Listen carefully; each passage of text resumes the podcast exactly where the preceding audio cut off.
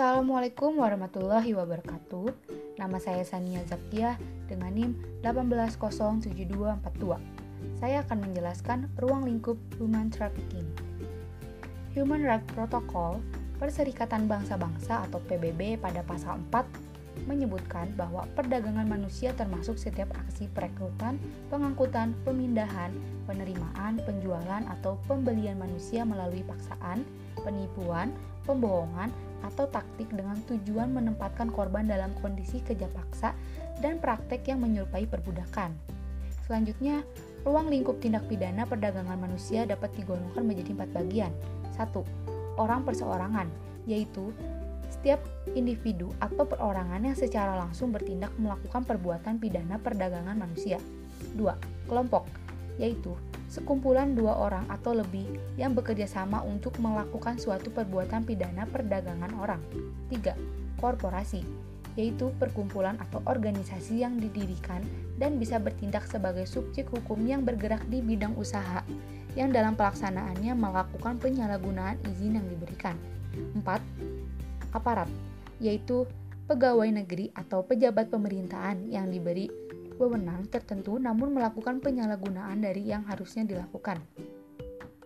Adapun ruang lingkup korban yang diatur dalam Undang-Undang Nomor 2 Tahun 2007 tentang pemberantasan tindak pidana perdagangan orang yang diatur dalam pasal 1 ayat 3 yang berbunyi Korban adalah seseorang yang mengalami penderitaan psikis, mental, fisik, dan sosial diakibatkan tindak pidana perdagangan orang dan menurut Undang-Undang Nomor 13 Tahun 2006 tentang Pelindungan Saksi dan Korban pada pasal 1 ayat 2 yang berbunyi, korban adalah seseorang yang mengalami penderitaan fisik, mental, dan kerugian ekonomi yang diakibatkan oleh suatu tindak pidana.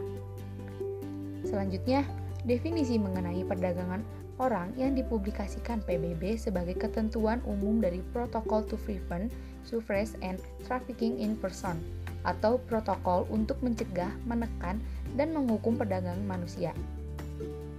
Perdagangan manusia adalah tindakan kriminal terhadap kemanusiaan. Kegiatannya meliputi tindakan perekrutan, pengangkutan, mentransfer, menyimpan, atau menerima seorang manusia menggunakan kekerasan, pemaksaan, atau lainnya untuk keperluan eksploitasi mereka.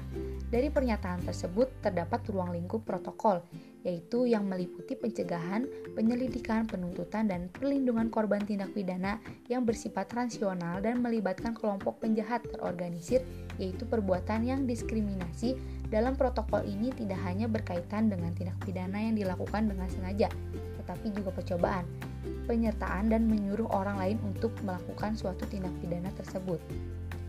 Selanjutnya, dalam Undang-Undang Nomor 21 Tahun 2007 merumuskan mengenai ruang lingkup tindak pidana perdagangan orang, yaitu sebagai berikut. 1. Setiap tindakan atau serangkaian tindakan yang memenuhi unsur-unsur tindak pidana yang ditentukan dalam Undang-Undang Nomor 21 Tahun 2007 melarang untuk setiap orang yang memasukkan orang ke wilayah negara kesatuan Republik Indonesia atau NKRI untuk dieksploitasi 2. Membawa warga negara Indonesia atau WNI ke luar wilayah yang mempunyai tujuan yaitu untuk melakukan eksploitasi. 3. Mengangkat anak dengan menjanjikan atau akan memberikan suatu yang mempunyai tujuan untuk eksploitasi. 4. Mengirimkan anak ke dalam maupun ke luar negeri dengan cara apa pun dan setiap orang yang memanfaatkan korban tindak pidana perdagangan orang atau TPPO dengan melakukan persetubuhan, pencabulan, memperkerjakan korban untuk melakukan eksploitasi dengan cara mengambil keuntungan yang besar. 5.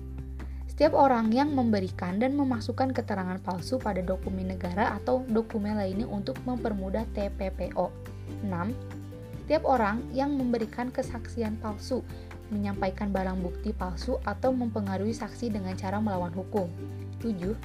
Setiap orang yang melakukan serangan fisik kepada saksi maupun petugas di persidangan perkara TPPO dan setiap orang yang mencegah, merintangi, menggagalkan secara langsung dan tidak langsung penyidikan, penuntutan, dan persidangan di sidang pengadilan terhadap tersangka, terdakwa atau saksi dalam perkara TPPO, dan setiap orang yang membantu pelarian tindak pidana perdagangan orang.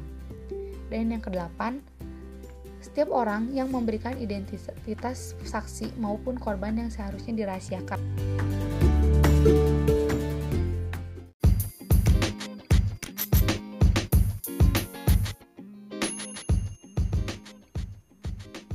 Teori yang berkaitan dengan human trafficking ada empat. Satu, teori pembalasan. Teori pembalasan yaitu pemidanaan karena seseorang telah melakukan tindak pidana. Immanuel Kant mengatakan, Fiat justitia ruat coelum. Walaupun besok dunia akan kiamat, namun penjahat terakhir harus menjalankan pidananya. Immanuel Kant mendasarkan teorinya berdasarkan prinsip moral atau bisa disebut dengan etika. Selain Immanuel Kant, penganjur yang lain ialah Hegel. Hegel mengatakan bahwa hukum adalah perwujudan kemerdekaan dan kejahatan merupakan tentang kepada hukum dan keadilan. Maka dari itu menurut Hegel, penjahat itu harus dilenyapkan, seperti kejahatan human trafficking. Kejahatan tersebut merupakan sebuah tindak pidana. Apabila seseorang atau sekelompok orang melakukan kejahatan, terutama kasus human trafficking, maka harus merasakan sebuah hukuman yang setimpal dengan perbuatan yang telah dilakukan. 2.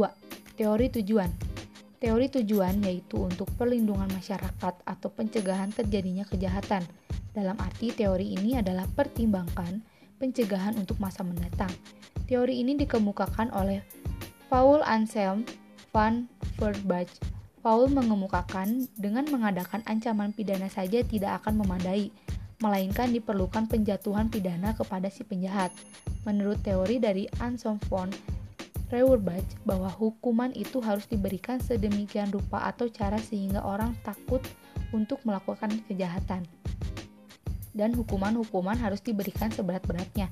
Teori ini berpandangan bahwa tujuan dari pidana adalah untuk mencegah niat jahat dari si pelaku tindak pidana yang telah dijatuhi pidana agar tidak melakukan tindak pidana lagi.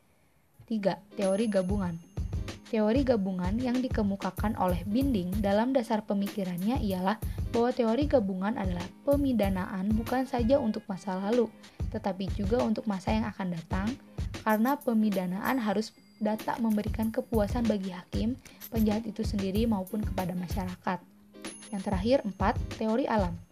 Teori alam menyatakan bahwa setiap orang dewasa atau orang tua dahulunya pernah muda, dan tidak bisa mengubah waktu menjadi cepat, tua, maupun muda kembali, seperti manusia yang dilahirkan oleh seorang ibu dan dikandung selama 9 bulan dan dibesarkan dari bayi hingga besar kemudian menikah dan akan berproduksi dan menghasilkan anak. Kaitannya dengan human trafficking bisa diketahui bahwa perdagangan manusia sering terjadi di kalangan anak-anak, remaja, dan kaum perempuan, terutama dalam kalangan anak-anak. Karena dalam human trafficking, anak-anak lebih mudah untuk didapatkan dan dijadikan sebagai korban eksploitasi. Dengan adanya teori alam ini, hal tersebut merupakan siklus alami yang terjadi di dalam kehidupan manusia, maka jelaslah perlu dibahas pelindungan terhadap anak. Pelindungan terhadap anak ialah bahwa anak harus dilindungi hak-haknya dalam mencapai tumbuh dewasanya sampai anak itu bisa mandiri menjadi seorang dewasa yang berguna bagi keluarga, masyarakat, dan negara. Anak-anak merupakan bagian dari warga negara dan generasi penerus bangsa yang harus dilindungi dan dipenuhi kebutuhannya. Generasi penerus harus dibekali dengan pendidikan, pemenuhan kesehatan, dan pemenuhan lainnya dalam hal tumbuh dan berkembang seorang anak untuk mencapai kesejahteraan. Hak ini dijamin oleh konstitusional yaitu sebagai negara hukum. Hak konstitusional merupakan hak yang sudah diatur dan dijamin dalam konstitusi, dalam Undang-Undang Dasar tahun 1945 berkaitan dengan hak dan diklasifikasikan sebagai hak asasi manusia atau HAM dan hak warga negara. Dalam pasal 28 I Undang-Undang Dasar 1945 ayat 4 menegaskan bahwa pelindungan, pemajuan, penegakan, dan pemenuhan hak asasi manusia adalah tanggung jawab negara, terutama pemerintah. Pasal ini memberikan jaminan bahwa pemenuhan HAM adalah tanggung jawab pemerintah.